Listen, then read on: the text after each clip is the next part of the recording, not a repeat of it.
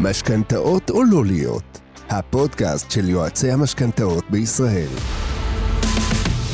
שלום לכולם, כאן אורן שלו, בפודקאסט שלנו משכנתאות או לא להיות, והיום אנחנו עם כרמי אור, יועצת כלכלת משפחה, מרצה בתחום כלכלת המשפחה ועוד הרבה דברים שתכף תספר לנו. אהלן, מה קורה אורן? מה שלומך, הכל בסדר? תותי. בוא נתחיל ישר מהאמצע. יש היום תקופה שהיא באמת תקופה יחסית מורכבת כלכלית. אנחנו רואים את המדד עולה, זאת אומרת שהמחירים עולים, אנחנו רואים את הריביות עולות, זאת אומרת שההלוואות יקרות יותר, אנשים אומרים שכבד להם, שקשה להם בהחזר החודשי, וכן הלאה, מצד אחד. מצד שני, אנחנו רואים גם הרבה מקרים שבהם אנשים אומרים, יש לי סכומי כסף, אני מתלבט אם לסגור חלק מהמשכנתה, או יש לי סכומי כסף, אני מתלבט איפה להשקיע. איך הדברים האלה מסתדרים אחד עם השני? אתמול פנה אליי מישהו ואמר לי, כבד לי המשכנתה, אבל יש לי 200 אלף שקל בצד, אולי אני אסלק חלק מהמשכנתה. לי זה נראה אבסורדי. איפה אנחנו נמצאים? מה, מה בדיוק הסיטואציה היום?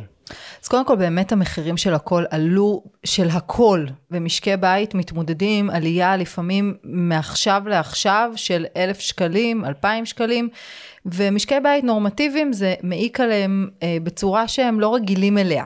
זה לא שזה טוב או לא טוב, זאת אומרת אנחנו יודעים שרוב משקי הבית יכולים להתמודד עם זה, אם הם יושבים באמת לסכום את מה שהם מוצאים ואת מה שהם מכניסים ולעשות איזשהו איזון. אבל זה מצריך שינוי הרגלים, ואנחנו יצורים אנושיים שלא אוהבים לשנות שום דבר, בא לנו להמשיך הכל אותו דבר, אמ, ולכן אנחנו ניקח את אותם 200 אלף שקלים ונשים אותם במשכנתה ונוריד את ההחזר החודשי, בלי לחשוב מה קורה מחר. זאת אומרת, יכול להיות שהמחירים עדיין יעלו, ויכול להיות ש... אה, האמת שראינו אה, את העדות הכי טובה לזה בקורונה. אנשים שהיו מסודרים לפני וידעו והייתה להם איזושהי תוכנית, ידעו גם שכל תוכנית היא בסיס לשינויים ושינו את הלך ההתנהגות שלהם במהלך הקורונה, ואנשים שלא, עצרו את המשכנתה, הקפיאו אותה לאיזשהו זמן, המשיכו זוכר. לחיות אותו דבר, אבל הקורונה לא נגמרה, מה קורה אחרי חצי שנה? כן, היה לנו שיח על זה בתחילת הקורונה. נכון. אם להקפיא, לא להקפיא. נכון. וחד משמעית, ראינו שמי שהקפיא, בעצם גם נכנס כמובן תשלומים יותר גבוהים אחר כך, אבל גם הקורונה לא נגמרה אחרי חצי שנה. אז יש פה, בעיניי, לאורך אה, השנים האחרונות, אנחנו בעצם נדרשים לשנות הרגלים ולהיות קשובים לעולם שמשתנה. ולא לחשוב שאוקיי, 20 שנה אנחנו קונים פיצוחים לשבת ב-500 שקל, אז אנחנו נמשיך לקנות פיצוחים לשבת ב-500 שקל. אמ, והסיפור הזה מכניס משפחות לסטרס מאוד מאוד גדול, מחשבתי אפילו לא כלכלי, אורן, רוב האוכלוסייה לא בסטרס כלכלי נטו, אם מסתכלים על המספרים. זה מכניס אותם לסטרס נפשי, זוגי, משפחתי, הכל מתרסק על עליית ריבית, על עוד אלף שקלים בחודש על משכנתה של מיליון. אמ, ושם נדרשת פעולה רחבה של להכיר את עצמנו, להכיר מה מועיל לנו, מה מזיק לנו, מה כדאי לנו לשמר, איפה אנחנו סוחבים, ישבו אצלי השבוע זוג, שהסתכלו אחד לשנייה בעיניים ואמרו, וואלה, זה מהבית של ההורים שלנו. סוף סוף אנחנו רואים כאילו למה אנחנו עושים את מה שאנחנו עושים. זה, אנחנו הרבה, זה, זה פסיכולוגיה, אבל זה משנה את ההתייחסות שלנו ואת ההוצאות שלנו אה, ואת ההכנסות שלנו, גם בצורת ההכנסות שלנו. אנחנו רואים עכשיו גל של אה, התפטרות שקטה. אה, גל של אנחנו עושים מה בראש שלנו, גל שלא מתאים לי לעבוד בתנאים כאלה, אני רוצה להיות עצמאי, אני רוצה לפתוח חברה, אני רוצה לא לבוא לעבודה בבוקר ולא לחזור אחרי צהריים בפקקים. אה, וכל זה, זה חלק מזה שאנחנו מתחילים להבין שאנחנו, זה מה שחשוב. עכשיו, צריך כלים בשביל זה, אף אחד לא לימד אותנו איך לעשות את זה, וזה בעצם מה שהמקצוע של כלכלת משפחה עושה. הוא בעצם יושב על המקום של החיבור בין הכסף לערכים, ככה אני לפחות תופסת את זה. אני כבר 16 שנה במקצוע, בוגרת הקורס הראשון שיצא בארץ, עשיתי כל מיני תפקידים על הרצף. והחיבור הזה בין מה חשוב לי, אולי חשוב לי לעבוד פחות ולראות את הילדים שלי יותר, ולכן אני אגור בדירה קטנה יותר, או אולי חשוב לי אה, אה, להתקדם כלכלית ולרכוש דירה להשקעה, ואז אני אעשה יותר, אבל אה, בסוף זה שם. לפי איך שאת מציגה את זה, מדינת ישראל היא ארץ האפשרויות הבלתי מוגבלות. אני מחליט. אני עובד יותר, אני מרוויח יותר, אני עובד פחות, אני מרוויח פחות. אני מחליט להוציא על זה, אני מחליט להוציא על זה וכולי. אני לא בטוח שזה כולם. יש שום דבר זה לא כולם, רחב ברור. של משפחות, של אזרחים במדינה שנמצאים שם. במיוחד עכשיו אחרי הקורונה, שיחסית הציפו אותנו, נתנו, נתנו כסף בזמן הקורונה. נכון. יש קצת יותר כסף. יש אנשים שמרגישים את ההפך. יש אנשים שנמצאים עכשיו במצוקה מאוד גדולה. אנשים שאין להם, אין להם, וגם הם לא יודעים מאיפה הם יביאו את מה שהם אמורים להביא.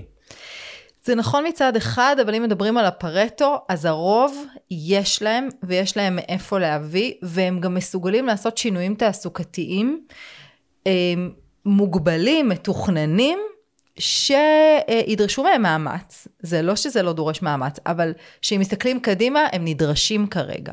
בסדר? רוב האנשים שמגיעים לייעוץ אצלי מסוגלים לעשות שינוי כזה או אחר. בוא, בוא נלך רגע למקור של זה. רוב מה שאנחנו צורכים היום אנחנו לא צריכים. בסדר? שים לב למשחק מילים פה. כן. אם אנחנו מסתכלים מסביב, בואו נסתכל על החדר שאנחנו יושבים בו עכשיו, 90% ממה שנמצא פה אנחנו לא באמת צריכים, אוקיי? אנחנו רוצים, אנחנו בוחרים, זה מעניין אותנו, זה מתחשק לנו, יש לשכנים שלנו, אבל אנחנו לא צריכים את זה. וברגע שאנחנו מבררים את הסיפור הזה לעצמנו, זה לא שאנחנו הולכים להיות עכשיו אה, מסכנים ולאכול כל היום אורז ועדשים, בסדר? אבל אנחנו כן יכולים לברור מה חשוב לנו יותר. אהבתי את האורז והלברור ביחד, זה או, יפה, אתה רואה, אנחנו פה על כמה משחקי מילים. ממש, את, אה, איזה דוס אתה. אה, לא כולם היו מבינים את זה, אם לא... נכון, לא קלטתי כזה. שזה מגזרי, אני מתנצל. לצורך העניין, אנחנו לרגע לא עוצרים וחושבים האם כל הבגדים שיש לי בארון, אני באמת, הם יותר חשובים לי מלשלוח את הילדים שלי לחוג. עכשיו, אף אחד לא רוצה להצטמצם, אנחנו בדור של שפע, בא לי גם בגדים, גם נעליים וגם לטוס לחו"ל.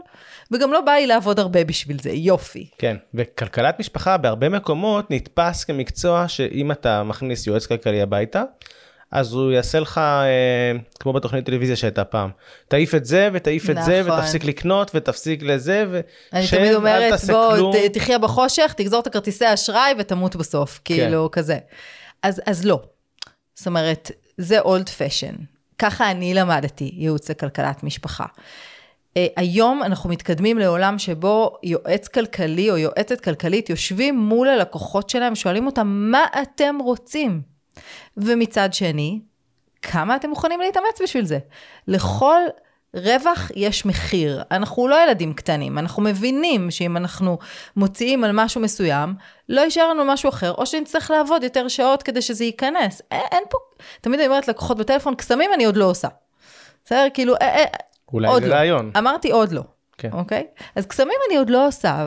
אם, אם יש פה בעיה תזרימית, אפשר לתקן אותה, אבל אם יש פה בעיה שאין הכנסות, שאחד מבני הזוג לא עובד, או שיש המון ילדים ועובדים במקצועות שהם, ומה לעשות, יש מקצועות היום במדינה שהם פחות רווחיים, צריך לעשות סוויש, כי קסמים אנחנו עוד לא עושים.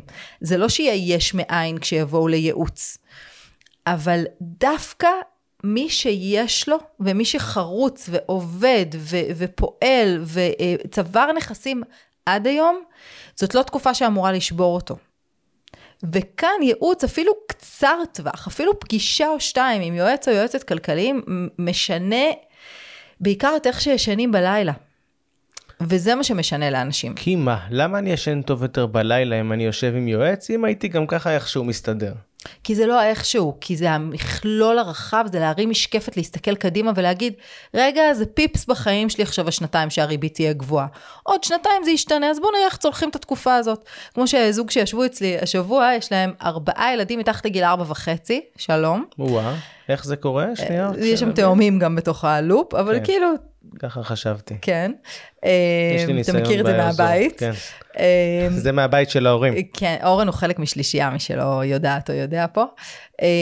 ו- ווואלה, יש עכשיו שנתיים שיש להם שלושה בגן פרטי, ואנחנו יכולים לראות איך זה משתנה בתוך שנתיים, ואחרי זה עוד שנה, יורדים עוד שניים מהמאזן הזה. אז במקום להילחץ, במקום להיות במינוסים ולקחת עוד הלוואות, אנחנו יכולים לייעד לזה. איזושהי קרן השתלמות, שבדרך כלל אנחנו אומרים, קרן השתלמות אנחנו לא פותחים, כי המיסוי וכי זה, אבל במהלך של משפחה כזאת, אם הם לא יצלחו את השנתיים האלה שהריבית על המשכנתה עלתה, שיש להם שלושה אה, אה, ילדים קטנים במסגרות מתוך ארבעה, אז אנחנו צריכים להסתכל על מכלול, וזה מאוד מאוד אישי. מה שמעניין זה שאת לא מדברת על בוא נסלק חלק מהמשכנתה. לדוגמה, אלא את אומרת, אני עכשיו יש לי בעיה תזרימית, חסר לי 500 אלף, 1,500 שקל בחודש, נכון. בוא נראה מאיפה מביאים אותם, נכון. איך אנחנו מגבים את התזרים, לא איך אנחנו מורידים בהכרח התחייבויות שהן התחייבויות ארוכות טווח, שבכל נכון. מקרה אמורות להיות. כי אני רוצה שהמשפחה הזאת תסיים מתישהו את ההתחייבויות שלה. כן. אני לא רוצה שהם יגררו את זה בגלל שנתיים, הרי אנחנו כולנו יודעים מה האפקט של שנתיים, שהם יהיו קצת קשות, אבל uh, מה האפקט. המצטבר של זה ל-25 שנה משכנתה. מהמם. זה דרמה. יש היום אה, ז'אנר חדש של הארכות משכנתה. כן, מאפשרים להאריך את המשכנתה. מהר מאוד אנשים עושים את זה. הרבה יותר מדי שהקפיאו מהר. בקורונה. בדיוק, זה ממש הזכיר לי את. ההקפאות. שזה נראה מתנה, אנשים שואלים, אה, אני יכול להאריך את המשכנתה? יש, איזה כיף. זה נראה מתנה, זה לא מתנה. זה עולה משמעית. הרבה הרבה יותר כסף אחר כך. חד משמעית. בסוף אני מסתכלת שוב על הסכום המצרפי של כל הדבר הזה. כמה הם יכולים לקבל אה, בתשואה, בקרן השתלמות לצורך העניין, או בקופת גמל שהם פתחו לילדים, אבל ילדים קטנים, אז שנייה, בואו נעצור את ההפקדות לשם לשנתיים, שלוש, וכמה במשכנתה, במכפלות מטורפות, שזה משכנתה של מיליון, מיליון 200, מיליון וחצי. חד משמעית, אני צריכה לטפל בתזרים ולא במשכנתה. בוא נדבר רגע על תעסוקה. כי הזכרת את זה קודם, ואני חושב שזה אחד הנקודות מפתח הכי משמעותיות ב, ב, בכלכלת המשפחה של אנשים. אה, וזה עוד יותר חזק היום, אחרי הקורונה, אנחנו רואים לא מעט אנשים שמצד אחד אומרים, "אה, אין לי מספיק, מצד שני הם מאוד מתפנקים במרכאות, סליחה על הביקורתיות, מה בדיוק לעבוד, איך בדיוק לעבוד, מחפשים את הדבר המושלם וכולי. אני קצת, זה קצת לא יושב לי לא ביחד נוח שני לך, הדברים אני האלה. רואה שלא נוח לך עם זה. אמ, אז, אז אני הולכת הפוך. אני כן. שואלת את הבית, מה הבית צריך? אוקיי? בבסיס, במערה מעיין ועץ חרובים, כמו שאני קוראת לזה. בשכירות, חינוך, קצת בגדים, קצת אוכל, בסדר? אפילו לא בגדים, אפשר יד שנייה. אני באמת שואלת את הבית, את אותו זוג, מה הבסיס של הקיום שלכם? קודם כל, לכו תביאו את זה. זה לא מעניין אותי איך. זאת אומרת, ברמה האנושית, אני אומרת, קודם כל צריך להאכיל את הילדים. הבאתם אותם לעולם, תאכילו אותם. אין ברירה. יש ברירה, אנשים פותחים הלוואות ענק בשביל אה, לקנות מילקי לשבת. אתה יודע, אתה מכיר את זה. כן. אבל אה, לצורך העניין, זה, זה המוקד, בסדר? גם אם לא נוח לכם, יש שנים, גם אני עבדתי בפרויקטים שלא ממש אה, חיבבתי, או ששילמו לי פחות לשעה. במקביל לזה, אחרי שהבאתם את המערה, מעיין ועץ חרובים, בואו נתפנק. אני חושבת שהפינוק הזה הוא סופר חשוב, אני חושבת שאנחנו לא בעולם שבו הולכים לחטוב עצים ולשאוב מים. אני חושבת שבסוף אנחנו צריכים ללכת לישון בתחושת הגשמה. יש שנים שפחות, יש שנים שיותר, יש חודשים שפחות, יש חודשים שיותר, ויש גם להתאמץ ולעשות את זה, אם זה אה, עסק שאנחנו פותחים במקביל לעבודה כשכירים, כי אנחנו רוצים להתפתח לשם, אז אני לא עוצרת את העבודה כשכירה. אני ממשיכה בסופי שבוע, בלילות, בשבתות. בסדר? מי שעובד מוצ"ש, שישי, וואטאבר. ואז, אחרי שאני רואה שהעסק שלי יתקדם למקום שהוא יציב, הוא יכול לממן את המערה, מעיין ועץ חרובים שלי, אני יכולה לשחרר את העבודה שלא נוח לי בה כשכירה. אני לא עושה משהו, אני לא מתאבדת על כלום, בטח כשיש לי משפחה וילדים ונכסים ומשכנתה וכו'. אין מצב, לא קורה. כן, את מדברת על מעבר תעסוקתי שהוא מעבר מדורג. זאת אומרת, אני נכון. תמיד צריך לדעת, אם אני הולך למאסלו, אני תמיד צריך לדעת שיש לי את הבסיס, את, ה, את ההישרדותי, ואחרי שיש לי אותו אני יכול ללכת שלב אחד קדימה. והמשפחה לא תחליט לקפוץ מה זה למעלה. הסכום הזה. זאת אומרת, המשפחה תשב ותגדיר את רמת הסיכון והסיכוי, אה, ותיקח סיכ... בסוף, אם אתה לא מסתכן, אתה לא no pay no gain, כאילו אין פה כן. זה, אבל באיזשהו מקום צריך לשים את הגבול למתי גם אנחנו עושים stop loss. כאילו, גם אם פתחתי עסק, ועכשיו נורא בא לי להתפתח כמאמנת, כיועצת כלכלת המשפחה, לא משנה מה, אני צריכה להבין, אם זה לא מתרומם אחרי חצי שנה, מה קורה, אם זה לא מתרומם אחרי שנה, מה קורה, אם זה לא מת... איפה ה stop-loss שלי, איפה אני כבר מתחילה לסכן? את הבית, את הילדים, את היסודות, זה לא, לא לעניין. האמת היא שבאמת עסקים וכלכלה, כלכלת משפחה, זה אחד הנושאים הכי אה, מעניינים בתוך כלכלת משפחה. זאת אומרת, אם יש לי משפחה שזה זוג שכירים, אז התיק במרכאות הוא הרבה יותר קל. נכון. זוג שכירים, אתה יודע מאיפה הם מביאים את הכסף, אם אין מספיק כסף אז מוציאים דרך נוספת אם, וכולי. כשזה עצמאים, הרבה פעמים יש, יש, אתה גם לא יודע כמה בדיוק כסף נכנס. נכון, אני שואל לעצמאים כמה אתם מכניסים, הם לא תמיד יודעים להגיד כמה. נכון. איך את חושבת, או תני לי איזה שניים שלושה דברים מהותיים, חכמים, שאנשים שיש להם עסק צריכים לעשות אחרת בכלכלת המשפחה שלהם, מאשר אנשים שהם שכירים. אוקיי. אז קודם כל הפרדת חשבונות ברורה. חשבון העסק, שממנו יוצאות ונכנסות כל ההכנסות וההוצאות של העסק, וחשבון לבית. אם יש שני עסקים בבית, אז יהיו שלושה חשבונות. בסדר? גם אם זה עסק קטן, היום אנחנו יכולים למצוא חשבונות בלי עמלות, בלי זה, זה לא כזה מסובך, הכל סבבה. זה יכול להיות גם באותו סניף, זה לא מעניין. ומתוך החשבון העסקי אני מעבירה משכורת הביתה לפי אותו רף שהצבתי שהבית שלי דורש. אם אני לא מצליחה להעביר את אותו רף, אני צריכה ללכת לטפל בעסק. לפעמים אני צריכה גם לחשוב בבית עוד פעם לעשות את הסדרי העדיפויות, אבל אני צריכה לטפל גם בעסק. זה השלב הראשון. מה הכוונה לטפל בעסק? לראות אם העסק רווחי, משתלם, או שהוא תחביב, ואז אני אקרא לו תחביב והבית יוציא עליו כסף. כן. בסדר? ראיתי לא מעט בעלי ובעלות עסקים שהולכים לכנסים, ויש להם עסק, ויש להם תגים נורא יפים, ויש להם מיתוג, ויש להם uh, קבוצת פייסבוק. אבל הם לא מרוויחים. אבל הם לא מרוויחים, והם לא רואים את זה, כי יש תזרים. יש כניסה ויציאה של כסף, אבל הם לא מרוויחים. עכשיו, זה יכול להיות נחמד לשנת הקמה. מעבר לזה, אנחנו מדברים פה על הילדים שלכם. אז, וזה לא שקוף לאנשים, כי זה מתנהל בבלגן בתוך החשבונות בנק.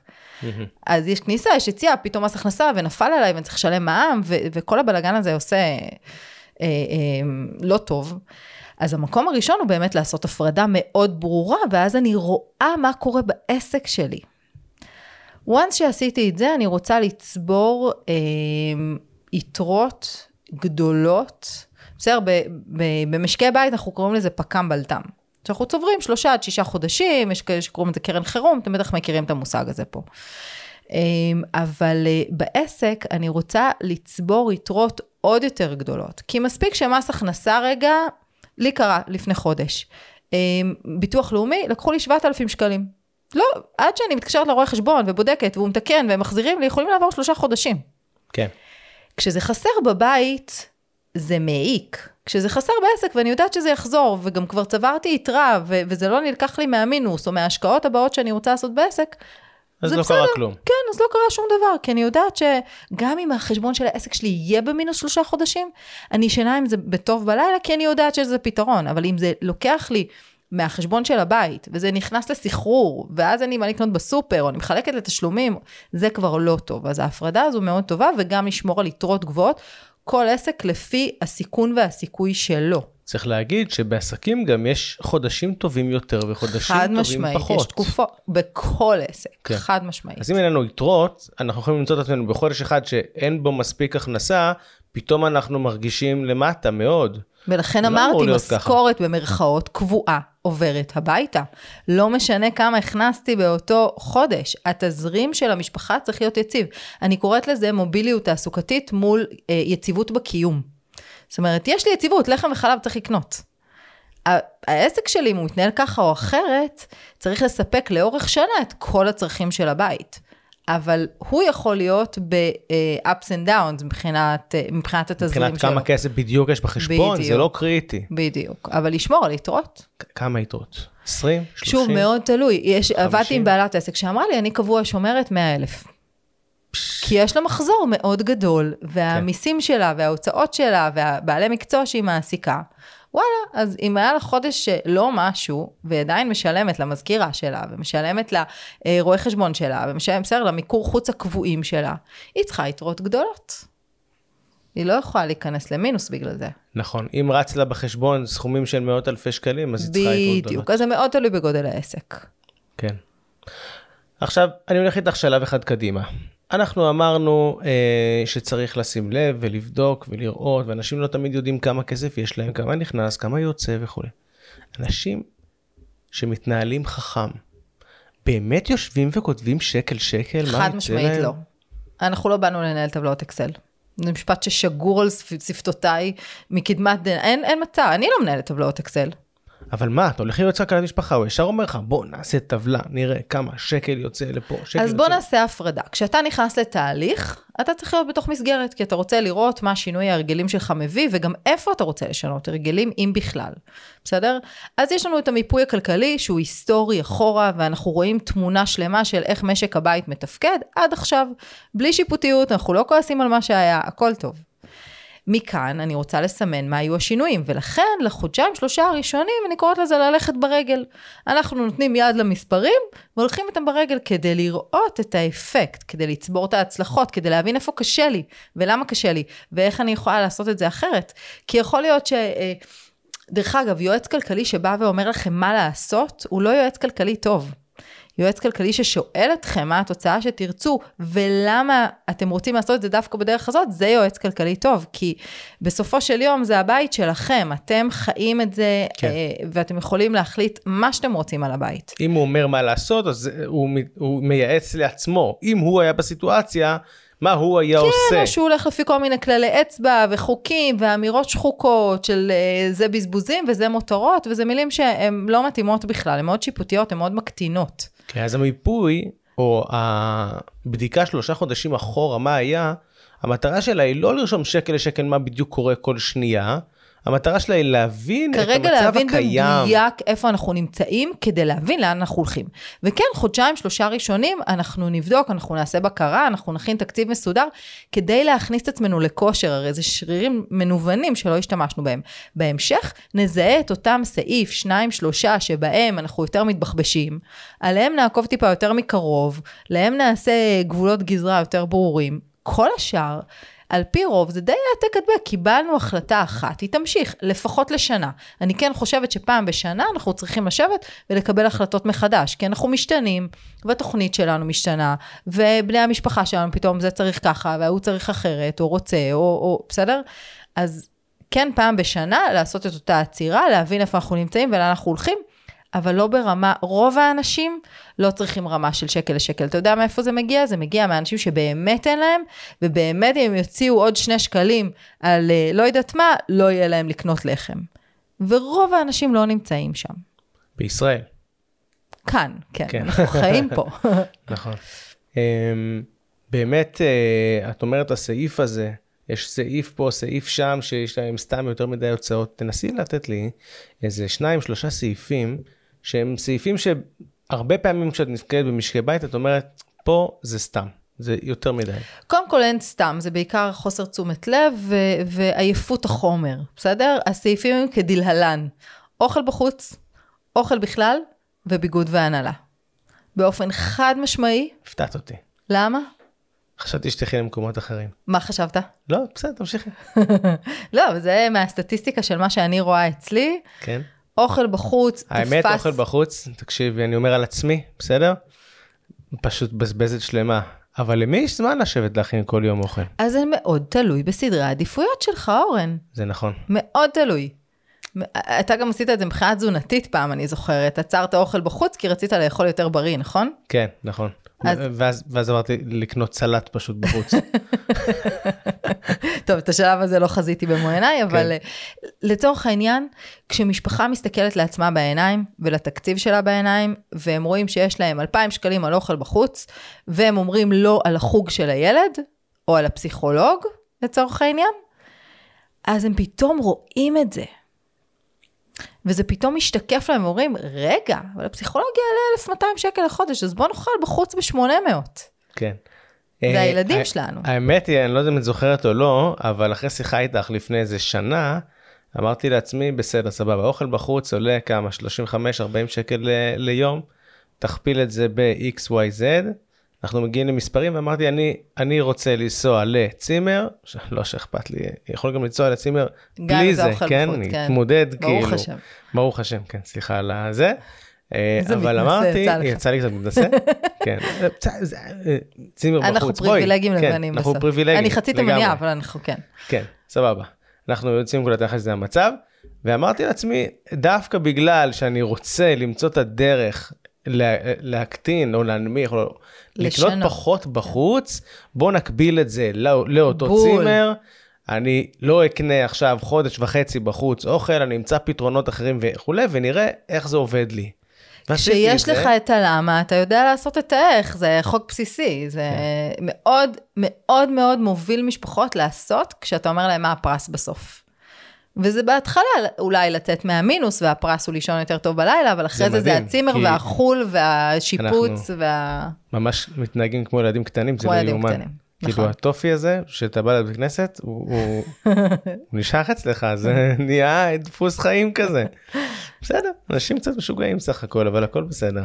כן, אז בסופו של יום זה באמת מאוד משמעותי מה אנחנו שמים מול הפרצוף, כאילו, ואז אנחנו גם לא מרגישים מצטמצמים. אז לא קניתי בגדים, אבל איזה כיף שאנחנו נוסעים להודו לחגים, כאילו כן. כזה. אנחנו כאילו, אנחנו כאילו עובדים על עצמנו, אבל במודע.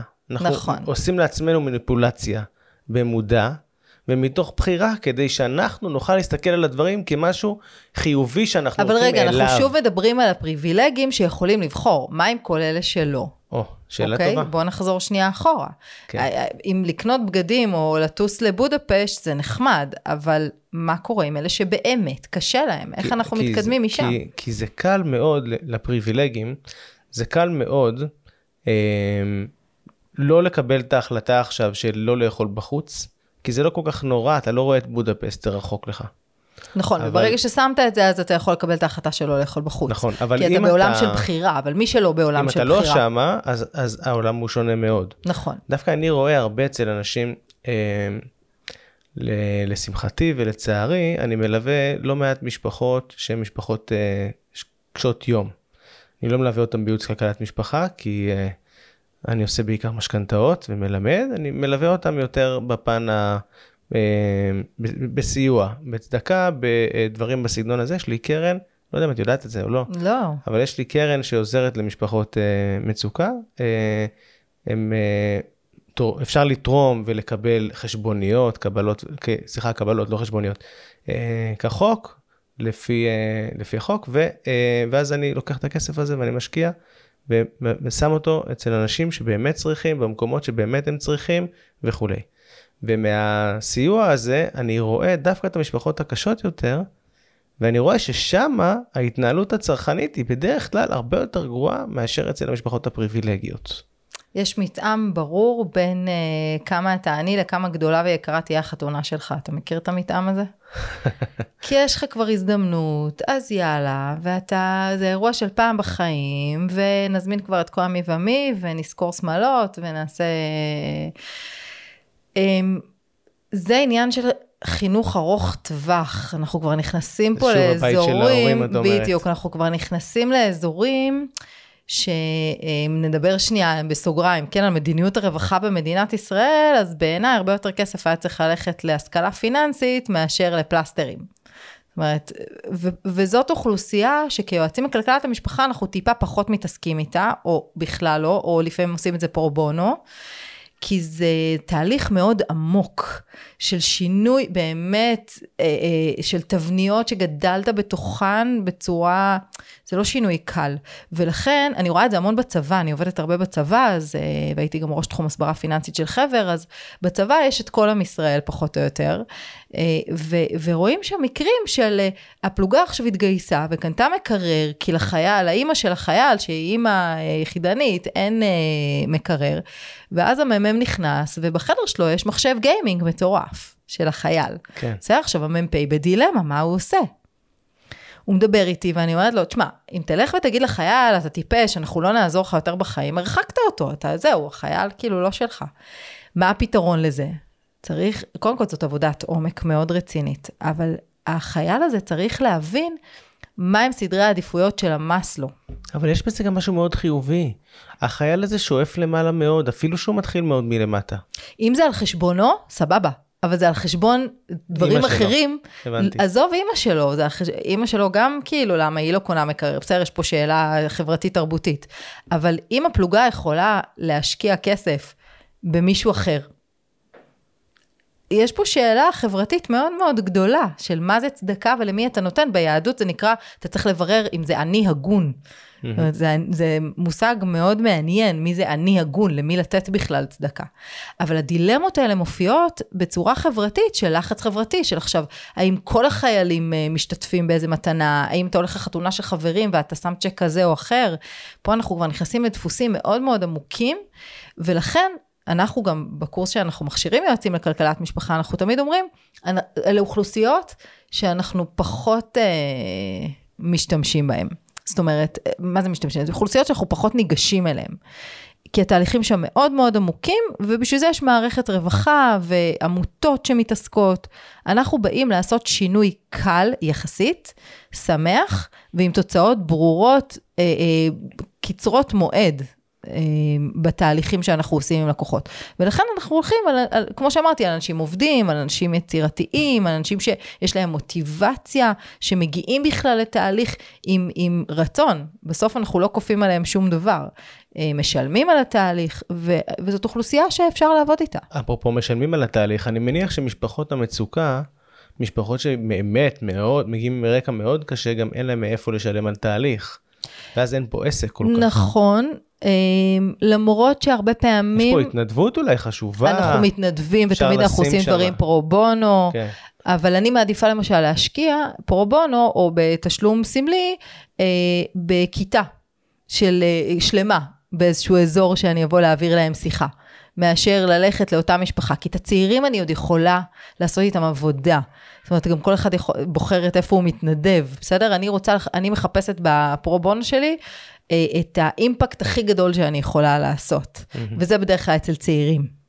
Uh, ומספיק ששניים מתוך הכיתה, אחרי זה מחפשים אותי שנתיים אחר כך בפייסבוק ושואלים אותי איזושהי שאלה, או באינסטגרם, ניצחתי. וזה קרה לא מעט, וזה פשוט מדהים לראות כמה אפשר לצאת מתוך תבניות אם אתה צעיר. משפחה שהיא כבר יותר מבוגרת, לפעמים זה לא שאנחנו תמיד בעד תקווה, אבל זה אחר. צעירים גם מרגישים הרבה פעמים את ה... הם יודעים להגיד, ילדים יודעים להגיד כשמשהו בבית שלהם לא מתנהל נכון, כמו שצריך. נכון. זה משהו מדהים, אחרי איזשהו גיל מסוים, הם, אה, בהרבה מקרים הם פשוט נכנסים לתוך הרוטינה. נכון. אם, אם לא קלטו אם לא קלטו את זה באיזושהי נקודה ויצאו מזה, שנה הראשונות, נכון. אז הם נכנסים לתוך הרוטינה שכמו של אבא. חד משמעית, חד משמעית. אני אגיד לך יותר מזה, אני פוגשת ילדים טובים שעוזרים להורים ונותנים כסף, באמת. הייתה לי שיחה עם אחד החיילים באחת ההרצאות האחרונות, ילדים טובים, את המשכורת הצבאית שלו, הוא קונה דברים לאחותו ולאימא שלו ולאבא שלו. ושאלנו את עצמנו ביחד, ככה רבע שעה אחרי זה, איך אפשר לעשות אחרת, שהכסף יועיל ולא ייכנס לבור. ומצאנו תשובות מאוד מעניינות, זאת אומרת, מספיק שהוא ייתן את הכסף, הוא באמת ילד טוב, אבל איפה הנפרדות, ואיפה הוא בונה לעצמו, ואיפה הוא עושה דברים שבונים, ולא דברים שסותמים חורים. אה, אבל טיפה סטינו מהנושא, אז כאילו נראה לי שבוא נחזור. זה נושא כזה זה מעניין. נושא, כן, אפשר לדבר על זה שעות. נכון. אני חוזר שנייה דווקא למקום של אה, צמיחה מול, אה, מול אה, הבראה.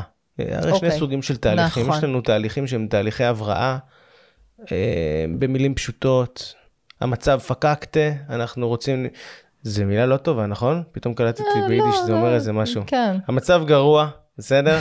ואנחנו, אה, ואנחנו רוצים לתקן אותו ולהפוך אותו למצב נכון, סביר, נכון, נורמלי. נכון, זה סוג אה, ראשון של תהליכים קלאסי. דרך אגב, רוב האנשים באים כשכואב להם. כן, הרבה יותר קל לבוא כשכואב לך. כלכלה התנהגותית בסיסית, כשכואב לך אתה מרגיש את זה הרבה יותר. נכון. אבל אתה מרגיש את זה הרבה יותר, אתה מזיז את עצמך, אחרת נכון. אתה לא נכון. מזיז את עצמך. לעומת זאת יש תהליכים שהם תהליכי צמיחה.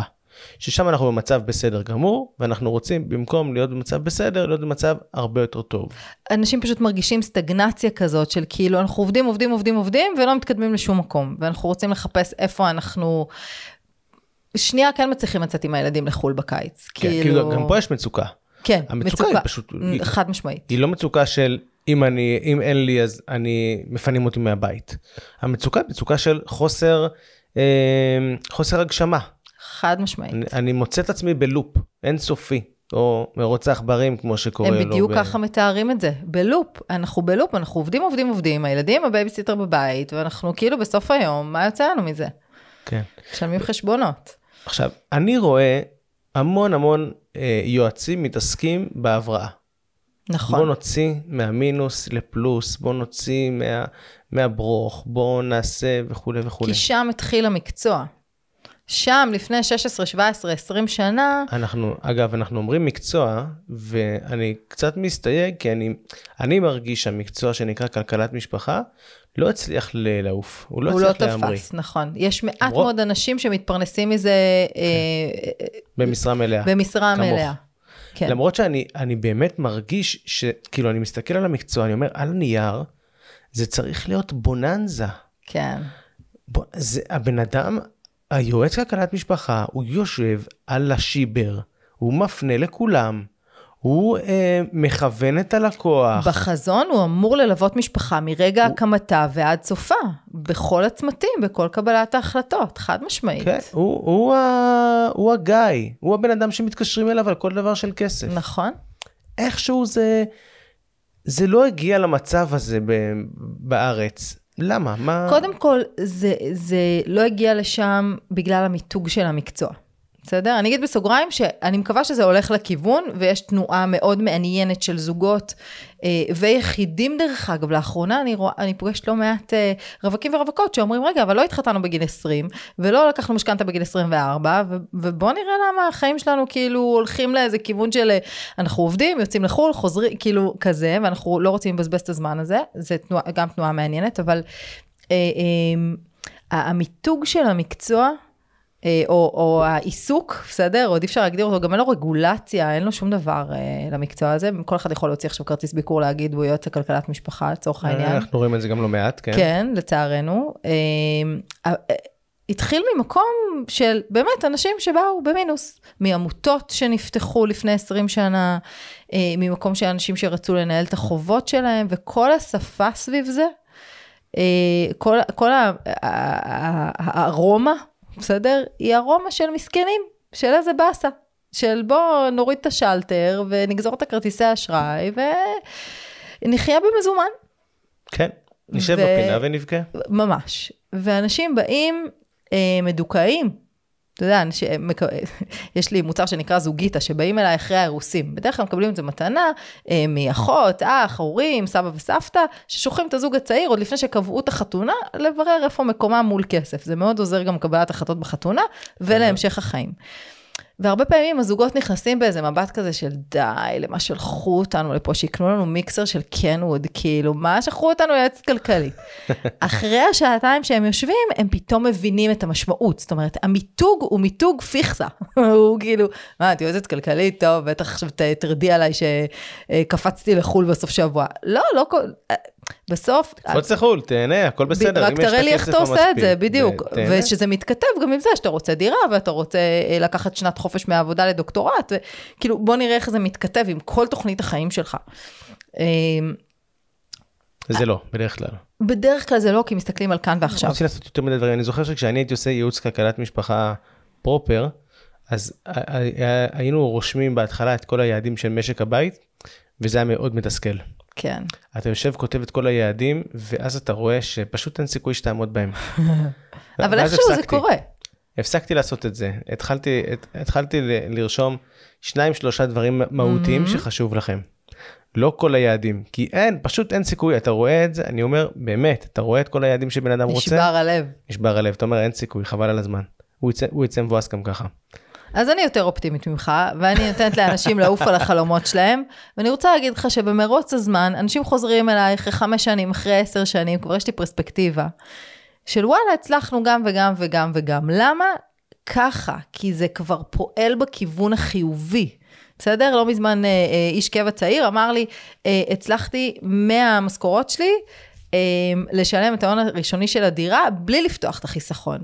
יש לו איזה מגדלור, אז הוא טיפה פחות יאכל במסעדות, הוא טיפה פחות ישלם על הדלק, הוא ייסע אולי בתחבץ על המדים, והוא יגיע לגם וגם. זה מה שאני שואפת אליו, ואני קצת יותר אופטימית ממך כן, בעניין כנראה, הזה. כנראה. בטח עם צעירים. כשאני קניתי את הדירה, את הבית שלי, אז אני, אני ישבתי עם אשתי ואמרתי לה, יש הוצאות נלוות מסביב, אין לנו מספיק הון עצמי בשביל כל ההוצאות הנלוות גם, אנחנו נסתדר עם השוטף. ואנחנו. שנה, שנה מצאנו דרך, פרסנו קצת את כל הדברים שהיה צריך, כל השוטף, כל ההוצאות הנלוות שמסביב, ועשיתי גרייס במשכנתה קצת, ואמרתי, שנה, אנחנו נשלם את כל, ה... את כל ההוצאות הנלוות. הייתה שנה קצת יותר קשה.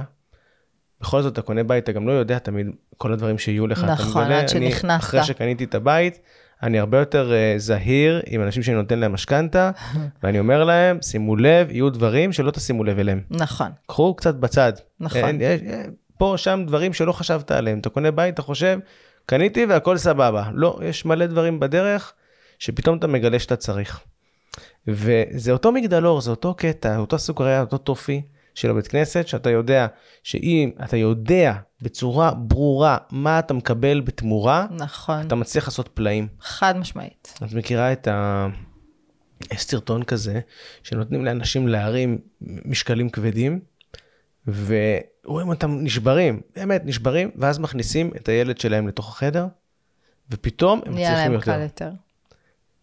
כי יש איזה משהו שאתה רואה מול העיניים שלך, יש משהו שאתה רוצה להרגיש נכון. מול העיניים שלך, שאתה פתאום מסוגל להרבה יותר. ויותר מזה, once שעשית. את זה פעם אחת, יותר קל לך בפעמים הבאות.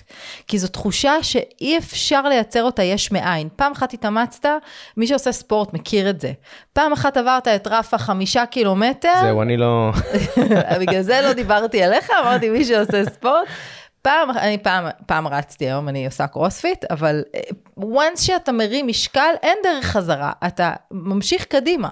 ואתה יודע מהי תחושת ההצלחה ששברת שיא, ואז בזמן פחות ארוך אתה שובר את השיא הבא, כי זה משמח את ליבך, ואתה יודע מה, אה, איזה תחושה של... אה, באמת, אתה, אתה נהיה כאילו כל יכול כשאתה מצליח לשבור את זה.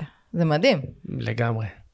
אני רואה בזמן האחרון המון המון תנועה, התחלנו, התחלנו לדבר על זה קודם, המון תנועה של אנשים לכיוון אה, צמיחה כלכלית. המון. נכון. לא רואה את זה דרך ייעוץ כלכלת משפחה משום מה, אני רואה את זה מכיוון אחר קצת. זה גם מגיע, גם מגיע לייעוץ כלכלת משפחה, אבל אני רואה את זה הרבה מכיוון אחר של מנטורים, של פודקאסטים, של קבוצות אה, פייסבוק, של הרצאות, של כנסים וכולי. בסוף כל האנשים האלה מיועצי כלכלת משפחה הם פשוט לא קראו לעצמם בדיוק ככה, כן? זו, לא בהכרח. הרבה פעמים יש שם גם מכירה בסוף. מהמם. זאת אומרת, הרבה פעמים זה בעלי אינטרס, טוב או לא טוב, אני לא באה להגדיר. השקעה בארצות הברית כזה? כן. הבנתי. שמוכרים לך קורס בכמה אלפי שקלים, בוא תלמד נדל"ן, או בוא תלמד חו"ל, או בוא תלמד זה, ובסוף יש שם מוצר, בסדר? כן. אז גם שילמת על הקורס וגם נכנסת לאיזשהו מוצר, לא שופטת, טוב או לא טוב. כן. אבל אני חושבת שזה הקיצוניות שלנו כישראלים. אנחנו או מתעסקים במינוס, או מתעסקים ביאללה, בוא נעשה מלא כסף במולטי פמילי. בארצות הברית, בסדר? ושוכחים את האסנס. למה? ומה ההתנהלות היומיומית? ומלא אנשים נופלים שם. לאורך השנים ראיתי כל כך הרבה אנשים, לא, לא רק נופלים בסקימס, בסדר? ב- בעסקאות אה, אה, לא, לא ישרות, אה, לא סתם מאבדים את הכסף שלהם, הרבה הם מפספסים את המטרה. זוג צעיר שמתחתן ואומר, יאללה, קיבלנו חתונה 100 אלף שקל, אנחנו עוד לא יכולים לקנות עם זה דירה בארץ, למרות שיש דרכים שכן, אבל נגיד הם חושבים ככה, בוא נקנה משהו בארצות הברית, בסדר? ואני אומרת, רגע, יש פה פערי מטבע, יש פה סיכון, זה לא משהו שאתם רואים, איך אתם סומכים, זה דוד שלו, זה אח שלו, כל מיני דברים כאלה. עזוב, גם אם זאת עסקה מצוינת, היא לא בהכרח מצוינת עבורם, כי זה הכסף הראשון שלהם. רגע, בוא נלך לדירה איפשהו, אפילו בפריפריה. בסדר? יש פה, זה הפער. אנחנו או מתעסקים במינוס, או פתאום אנחנו hot shot, וכאילו, מי שלא מדבר בקריפטו, לא מדבר איתי, כאילו, בסדר? וזה הפער. ופה באנו כיועצי, כיועצים בכלכלת המשפחה לגשר על הפער הזה, להבין מי אתה בכלל, והאם קריפטו מתאים לך או לא מתאים לך, בתקופת החיים, כבן אדם, ככמה אתה ישן בלילה, כמי זאת אשתך, מי הילדים, איך קוראים הכלב שלך, כאילו זה, זה הכל קשור להכל. אז פה אנחנו רוצים לגשר על הפער הזה. זאת אומרת, אנחנו, וזה באמת הגישה שלנו גם בקורס שאנחנו עושים, אנחנו לא מסתכלים על עצמנו כעל מי שאמור להוציא בן אדם מהבוץ בהכרח. אנחנו מסתכלים על עצמנו, על יוצאי כלכלת משפחה, כאיזשהו go to guy, שאנחנו יודעים שאפשר לשבת איתו, אני המשפחה, יכול לשבת תמיד עם היועץ הזה, לה- להבהיר לו איפה, מה מצבי היום, איפה אני נמצא היום, וביחס לזה, איפה אני רוצה להיות, ושיעזור לי לקבל את ההחלטות, נכון. מהם סדרי העדיפויות להחליף הנכונים מקצוע, לקנות ארבעה חדרים או חמישה חדרים, לתת לילדים ככה לחתונה, לתת... אלה, אלה שאלות שהרבה פעמים אנשים משתבללים איתם בתוך עצמם, לא יוצאים מהלופ הזה, ובדרך כלל הם עושים את הדבר הפחות נכון עבורם, רק כי השכנים אמרו שככה עבד להם. ואנחנו רוצים להיות באמת ה-go-to הזה, שאתה מרים טלפון או קובע פגישה ואומר, שנייה, יש לי התלבטות. לקחת ביטוח כזה, או לקחת, הסוכן ביטוח אמר לי, הביטוח הזה יהיה לי מעולה. משהו לא מרגיש, אני קוראת לזה אינטואיציה מושכלת. אני רוצה מצד אחד לעבוד על מה שטוב לי, אבל אני רוצה גם לדעת מספיק כדי לדעת מה לא טוב לי, או איפה זה לא מתיישב לי עד הסוף, ועכשיו, אה, ועכשיו אני רוצה כאילו לקבל החלטה שתהיה לי באמת טובה, באמת אה, אה, אה, לי. לא שמישהו אחר אמר לי. עכשיו, יועץ לכלכלת משפחה אמור להיות, לא כולם, אמור להיות אובייקטיבי לחלוטין, אמור להכיר את הלקוחות, לשאול אותם את השאלות הנכונות, בלי למכור להם שום דבר בסוף חוץ מהזמן שלו. למעשה, אם הוא מוכר להם משהו חוץ מהזמן שלו, אז הוא כבר לא יועץ כלכלת משפחה. בעיניי, יש שיגידו שכן, אוקיי? הוא כבר לא יועץ ממש. הוא לא אובייקטיבי כל כך. אתה יודע, בסוף ההבדלים אה, זה לא שחור ולבן אף פעם. זה כמו שיש לי סוכנת ביטוח מעולה, ואני בטוחה שהיא דואגת לי עד הקצה, כי לקח לי רק 15 שנה להגיע אליה. אבל, אה, אבל אני כן אבדוק אותה פעם בשנתיים. זאת אומרת, בסוף היא, היא באמת, היא מסבירה לי והיא חברת אמת והיא דואגת לתיק שלי ומה שאני רוצה ובוואטסאפ והכל טוב ויפה. אבל אני רוצה גם לדעת מה יושב מאחורי המוצר שהיא מכרה לי, והאם יש משהו אחר. תפקידה להגיד לי, דרך אגב, וספציפית שלי אומרת לי, כשנולדים מוצרים חדשים בביטוח, והאם להחליף או לא להחליף. אבל תפקידי, וזו, ופה נכנסת, נכנס עולם האחריות שלי, בסדר? רוב האנשים אומרים, יש לי איש מקצוע מעולה. אני סומך על הסוכן ביטוח שלי, ובזה זה נגמר. אבל יש לי אחריות, ובכלכלת המשפחה התפקיד זה להיות מי שבאמת מחזיק את הידע הזה ומסביר אותו בשפה של בני אדם ומתווך את כל עולם המושגים הגדולים האלה למשק הבית, שעכשיו צריך להחליט אם הוא קונה את הביטוח מסוכן הביטוח או לא. ואז המקצוע הזה הופך להיות בעצם מקצוע שהוא בהחלט יכול להיות סולו, מקצוע לבד, והוא גם יכול להיות מקצוע שהוא יושב ליד מקצוע ייעוץ אחר. נכון. כמו ייעוץ אה, פיננסי. או ייעוץ פנסיוני. היום התקשרה אליי רואת חשבון, שרוצה לבוא ללמוד כלכלת משפחה. כדי להבין את ה-360 של הלקוחות שלה, היא לא הולכת לעסוק בזה. קלאסי. אבל היא רוצה לבוא ללמוד כדי להבין את המכלול. זה מושלם. כל מי שמתעסק בפיננסי מושלם, מי שמתעסק בטיפול. בייעוץ פיננסי, אני כן, מדגיש. כן. ייעוץ משכנתאות, ייעוץ אה, אה, פנסיוני, ראיית חשבון, ייעוץ שהוא ייעוץ פיננסי, ייעוץ אה, מס וכולי. גם ייעוץ עסקי? ייעוץ עסקי בכלל. כן, מה, אתה מתעסק רק עם העסק? יש פה משפחה הייעוץ, מאחורי העסק. מקצועות הייעוץ האובייקטיבי. נכון. יש לצד זה גם מקצועות אחרים ש, שבהם זה קצת יותר מורכב. אם אני מתווך ויועץ כלכלת משפחה, אז זה... זה קצת סותר אחד את השני הרבה פעמים, כן. כן, נכון. מקצועות הייעוץ מקצועות... מקצועות הייעוץ ומקצועות הטיפול. מי שמתיימר להיות מטפל זוגי בלי להבין כלכלת משפחה, מי שמתיימר להיות עורך דין לגירושין. חסר לו משהו. בלי, בלי לדעת כלכלת משפחה. הוא יכול, אבל חסר לו משהו. חד משמעית. הוא לא רואה את האינטרסים הרחבים, הוא לא רואה את התמונה הגדולה. אני פוגשת את זה הרבה בזוגות מתגרשים, אפרופו. שעורך דין אחד מושך לפה, עורך דין אחר מושך לשם, ובסוף כולם מפסידים מזה. ואם הם מבינים את מכלול כלכלת המשפחה, הם יכולים לבוא, לשבת, להגיד, זה חשוב, זה לא חשוב, זה, זה, בואו נדון על הדברים המהותיים. ו... היה לי פעם זוג שהתגרשו, ובת הזוג ניסתה, אה, אה, היא קראה לזה להפסיד פחות כסף, כן? כן. כי הוא ניסה למשוך אותה עד הסוף, כן. אוקיי? והיא ניסתה לנהל איזה מאבק כזה של הישרדות. ובאיזשהו שלב עשינו פגישה משותפת, ואחרי הפגישה דיברתי איתו אישית, אמרתי לו, תקשיב, אני רואה את הכסף שלכם, אני רואה את משק הבית. אם אתה מקבל את מה שאתה רוצה, גם אם זה נכון לגמרי, אתה ממוטט אותה. כן. וזה יחזור אליך כבומרנג. ברור. תשקול את הדברים. וזה שלך. מסדר לאנשים את הראש. אתה מראה להם שנייה מספרים, זה מסדר להם את הראש. כן, נכון, לכמת זה מאוד עוזר. היום שאלתי באמת? איש שמתגרש, ואשתו אה, עושה שם צרות, ורוצה גם את זה וגם את זה וגם את זה. אמרתי לו, שנייה, בכמה זה יעלה לך שתיתן לה את זכויות הפנסיה? בוא נכמת את זה. אולי, אם אתה רואה שזה רק 400 אלף שקל, ויש לך עוד 20 שנה לעבוד ואתה תסגור, אולי לא שווה לריב על זה באמא שלך? וזה מוציא לאנשים את הרוח מהמפרשים בקטע טוב, שכאילו מה אני עכשיו הולך להיכנס לבתי משפט על מה, על משהו שאני יכול בעוד איקס שקלים לחודש עכשיו לפצות, ואני, טוב לי ויש לי עבודה טובה, וכאילו למה אני צריך להיגרר על זה עכשיו שמונה שנים בבתי משפט? בוא נסגור את הפינה, נשחרר את זה, ניתן את הזכויות שלי בפנסיה, ובואו נדבר. בסדר? אז זה לכל הכיוונים, וזה מועיל. ייעוץ זה כלכלת משפחה, שצריך דחוף דרך אגב להחליף את השם, אני אף פעם לא אהבתי את השם. מתישהו. מתישהו אנחנו... זה ב-to-do list שלנו. כן, אנחנו ניצור מיתוג אחר. אמ, נכנס לכל פינה בחיים שלנו, גם כאנשי מקצוע וגם כ- כתאים אה, משפחתיים אה, משקי בית. כרמי, תודה רבה. היה מדהים. כיף. יש כל כך הרבה עוד מה לדבר, אפשר לדבר שעות על, המקצוע הזה, שאמרת לכמת כמה פעמים, ואמרתי, בעיניי, לכמת ולייעץ זה מילים נרדפות. אה, אי אפשר לייעץ בלי לכמת, אי אפשר לכמת בלי... אתה, אתה שם. נכון, זה- ואז זה הכל נהיה. שקוף וברור, הבהירות הזאת עושה וואו. אני חושב שאחד הדברים הכי הכי אה, משמעותיים ב- בייעוץ הכלכלי זה לדעת לשים את המספרים על השולחן, שרוב האנשים מתקשים לעשות את זה לבד, או לא רוצים לעשות את לא זה לבד. רוצים, זה נורא מפחיד, זה נורא מפחיד. נכון, ובשביל זה בדיוק אנחנו שם. נכון. תודה רבה. תודה לך. האזנתם ואהבתם? מעולה! יש לנו עוד המון חומרים מעשירים בשבילכם. כל מה שאתם צריכים לעשות זה פשוט להירשם ולהצטרף למועדון פוקוס. שם ממתינים לכם תכנים מקצועיים נוספים, וכמובן גם הפודקאסט שלנו, בגרסת הבמאי המלאה.